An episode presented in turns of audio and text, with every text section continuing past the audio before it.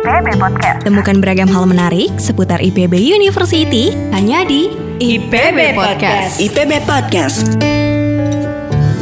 Assalamualaikum warahmatullahi wabarakatuh.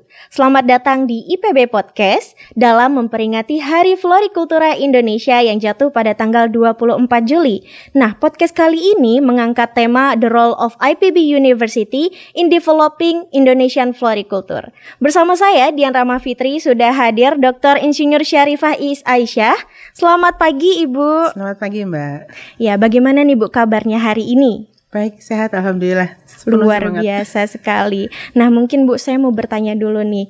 Karena kan uh, saya ini mahasiswa AGH dan juga beliau ini merupakan salah satu dosen saya di AGH. Namun kita belum pernah bertemu ya Bu. Iya, online terus ya? Iya betul sekali. Nah mungkin Bu karena di bulan Agustus nanti kita sudah mulai offline. Hmm. Apakah ada persiapan dari Ibu Ii sendiri untuk perkuliahan nanti? Oke okay, baik, mungkin ini memang secara institusional semua melakukan persiapan yang sama ya, karena sejak dua tahun kami pandemi, semua eh, tiba-tiba uh, berubah harus dipersiapkan secara online.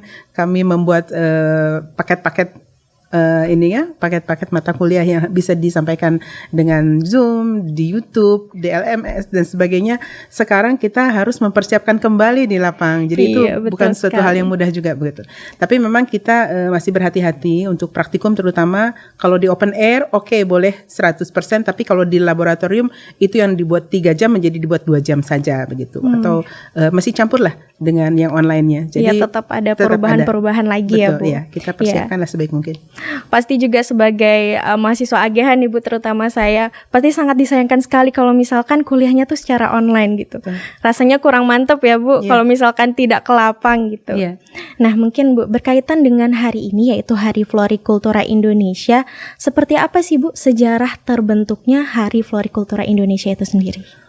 Oh ya, itu perjalanan panjang ya dari sejak uh, mungkin anak mahasiswa uh, eh, AGH tahu ya bahwa dulu dari sejak tahun berapa itu dari saya angkatan 22 aja sudah ada Festa Festival Tanaman.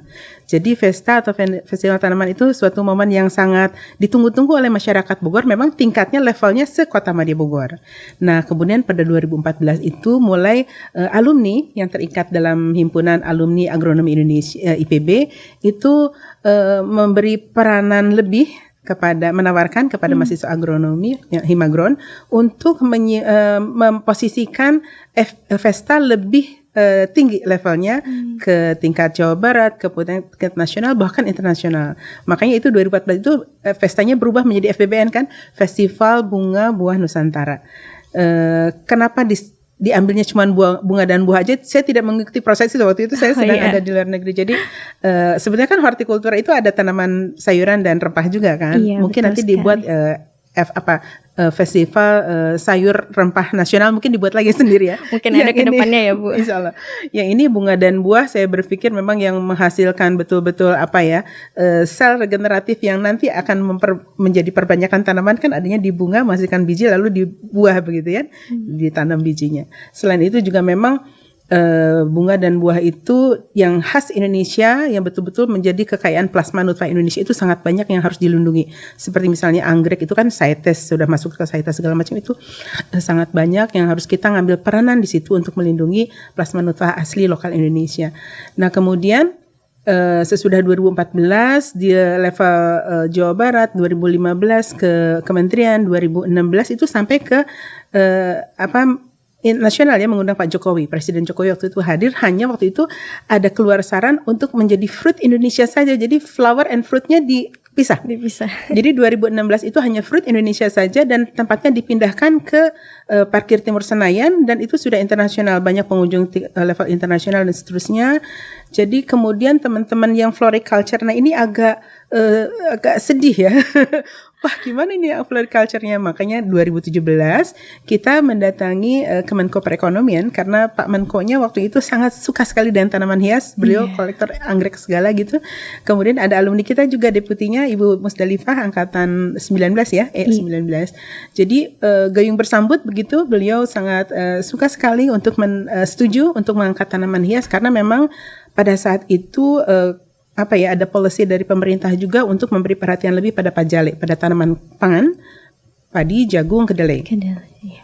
Sehingga untuk tanaman hias porsinya memang banyak uh, direduksi di tingkat kementerian, di tingkat balai untuk penelitian dan seterusnya.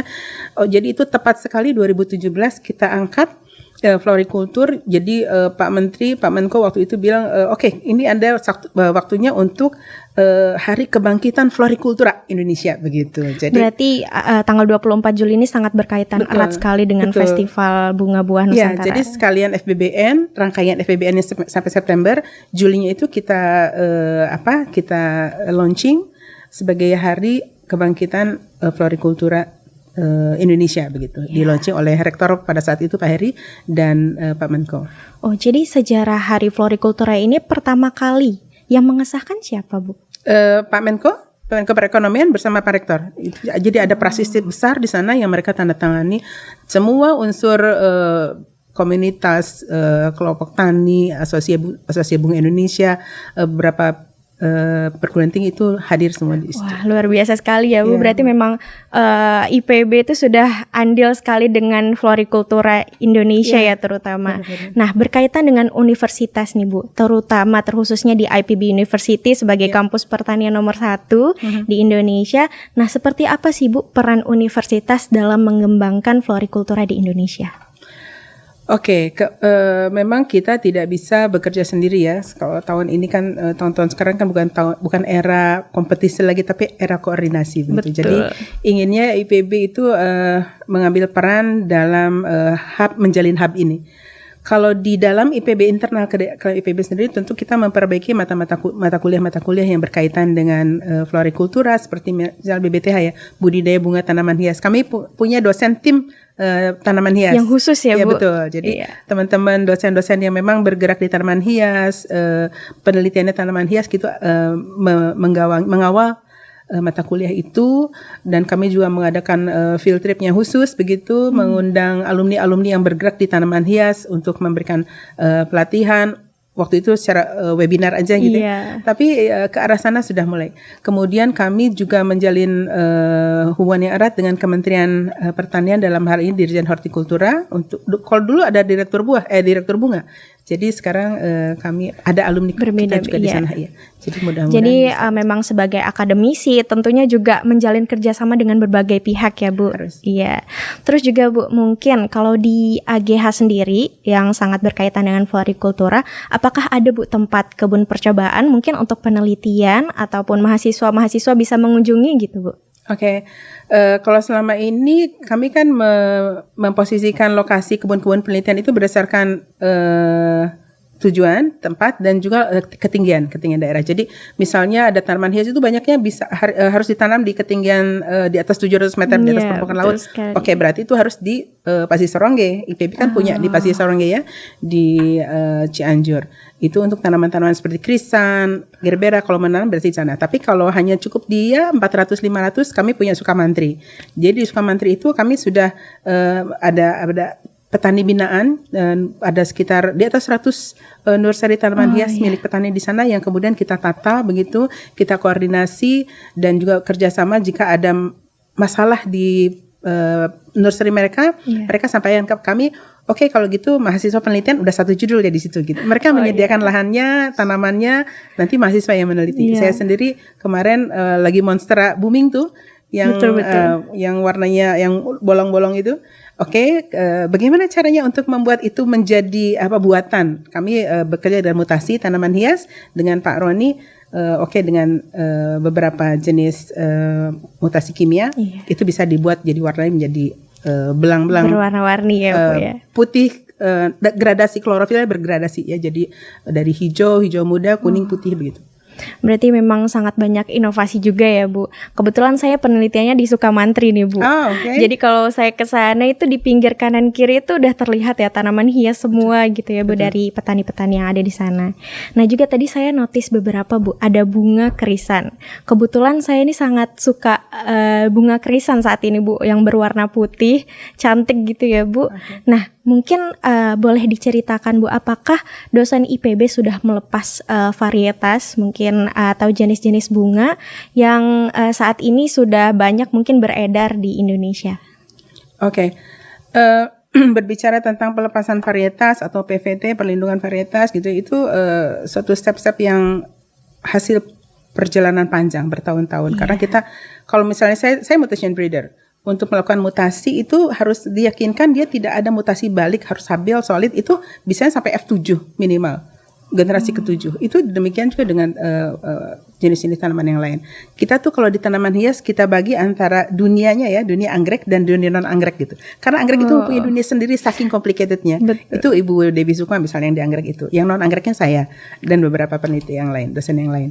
Jadi eh, yang sudah mulai dari sejak lama itu Profesor Syukur dengan aneka cabai hiasnya itu memang cabai itu tanaman eh, sayuran tapi kemudian eh, kalau dibuat menjadi cantik di dalam pot itu Tanaman menjadi hias. tanaman hias. Ya ada ada tiga yang sudah dirilis dan ada delapan yang sudah diregistrasi ke Kementan ke PVT ya ada kantor kemudian eh, Bu Dewi Sukma juga ada eh, dua genotipe yang calon dirilis itu antara lain eh, namanya Sabelina namanya masih di ini biasanya namanya kemudian dilemparkan ke dosen apa nih kira-kira namanya ya gitu. Iya, masih kompromi dulu betul, ya, Bu. kita ngasih masukan juga. Jadi eh, saya sendiri dengan Celosia dan eh, apa kole- koleus tapi itu belum ini ya masih masih eh, Tahap masih ya. tahap ya tahap untuk purifikasi jadi masih ada perubahan-perubahan itu kita belum bisa lepas kalau seperti itu Iya, pastinya uh, dosen IPB dan juga- juga beberapa mungkin mahasiswa yang membantu ataupun Iya, inovator dari lainnya pasti memiliki banyak harapan supaya bisa memiliki inovasi-inovasi terbaru Betul. ya Bu ke depannya. Kemarin kami baru saya rapat untuk eh, merilis eh, Helena apa eh, bunga matahari. Jadi Wah, saya dengan iya. tim Pak Syukur Bu Dewi juga akan melepas itu. Ya luar biasa sekali Iya, nih. Nah berhubungan ya Bu ya tentang varietas. Hmm. Mungkin juga bagaimana sih Bu menurut Ibu harapan ke depannya untuk di bidang florikultura eh, bagaimana sih kemajuan yang diharapkan di Indonesia itu sendiri? Oke, kita kan akademisi itu suatu institusi yang netral. Jadi eh, saya berharap sekali IPB mengambil peran di situ untuk bisa menjadi hub antara pemerintah, eh, kementerian dalam hal ini atau balai penelitian dengan komunitas, ada Asosiasi Bunga Indonesia, ada eh, berbagai macam kelompok tani, kemudian dengan eh, bisnis. Bisnis itu ada perusahaan-perusahaan yang eh, banyak sekali tergabung di sana dan sekarang ada pers juga ya. Jadi eh, pentagonik itu eh, pentahelix sorry pen- pentahelix itu harus eh, diikat dalam suatu eh, kerjasama yang baik dan saya rasa IPB maksudnya universitas sebagai institusi yang netral itu sangat bagus sekali mengambil peranan di situ. Mudah-mudahan dengan bergerak bersama seperti ini eh, betul-betul terangkat florikultura Indonesia itu. Iya betul sekali apalagi untuk saat ini pandemi kemarin florikultura itu benar-benar naik ya Bu untuk di kalangan Iya, ibu-ibu betul. terutama Iya, ya Bu. Karena untuk refreshing kan jenuh di Iya, rumah terus gitu. betul. Eh, apa ya? Oh, itu bisa menjadi bisnis ternyata Iya. dengan eh, dengan me- membuat hobi di rumah itu. Ya kebetulan saya juga sudah dapat eh, mata kuliah pembiakan tanaman Bu. Jadi Hmm. waktu itu stek batang sampai sekarang tanamannya alhamdulillah masih tumbuh ya Bu. Oh, alhamdulillah. Dan itu walaupun mungkin ah, coba-coba sedikit gitu, Iya. belum sampai ke tahap inovasi varietas baru, tapi dari saya sendiri itu jadi eh, sesuatu hal baru gitu, apalagi di masa pandemi. Nah, baiklah, luar biasa sekali teman-teman. Ini kita pembicaraan tentang florikultura dan mungkin banyak harapan juga untuk teman-teman yang ada di sini yang sudah melihat nih IPB podcast kali ini bahwa banyak harapan untuk bisa menjadi inovator di ke depannya. Saya ucapkan terima kasih banyak kepada Bu Iis sudah mau berbincang-bincang di IPB podcast. Luar biasa sekali. Semoga Ibu sehat selalu.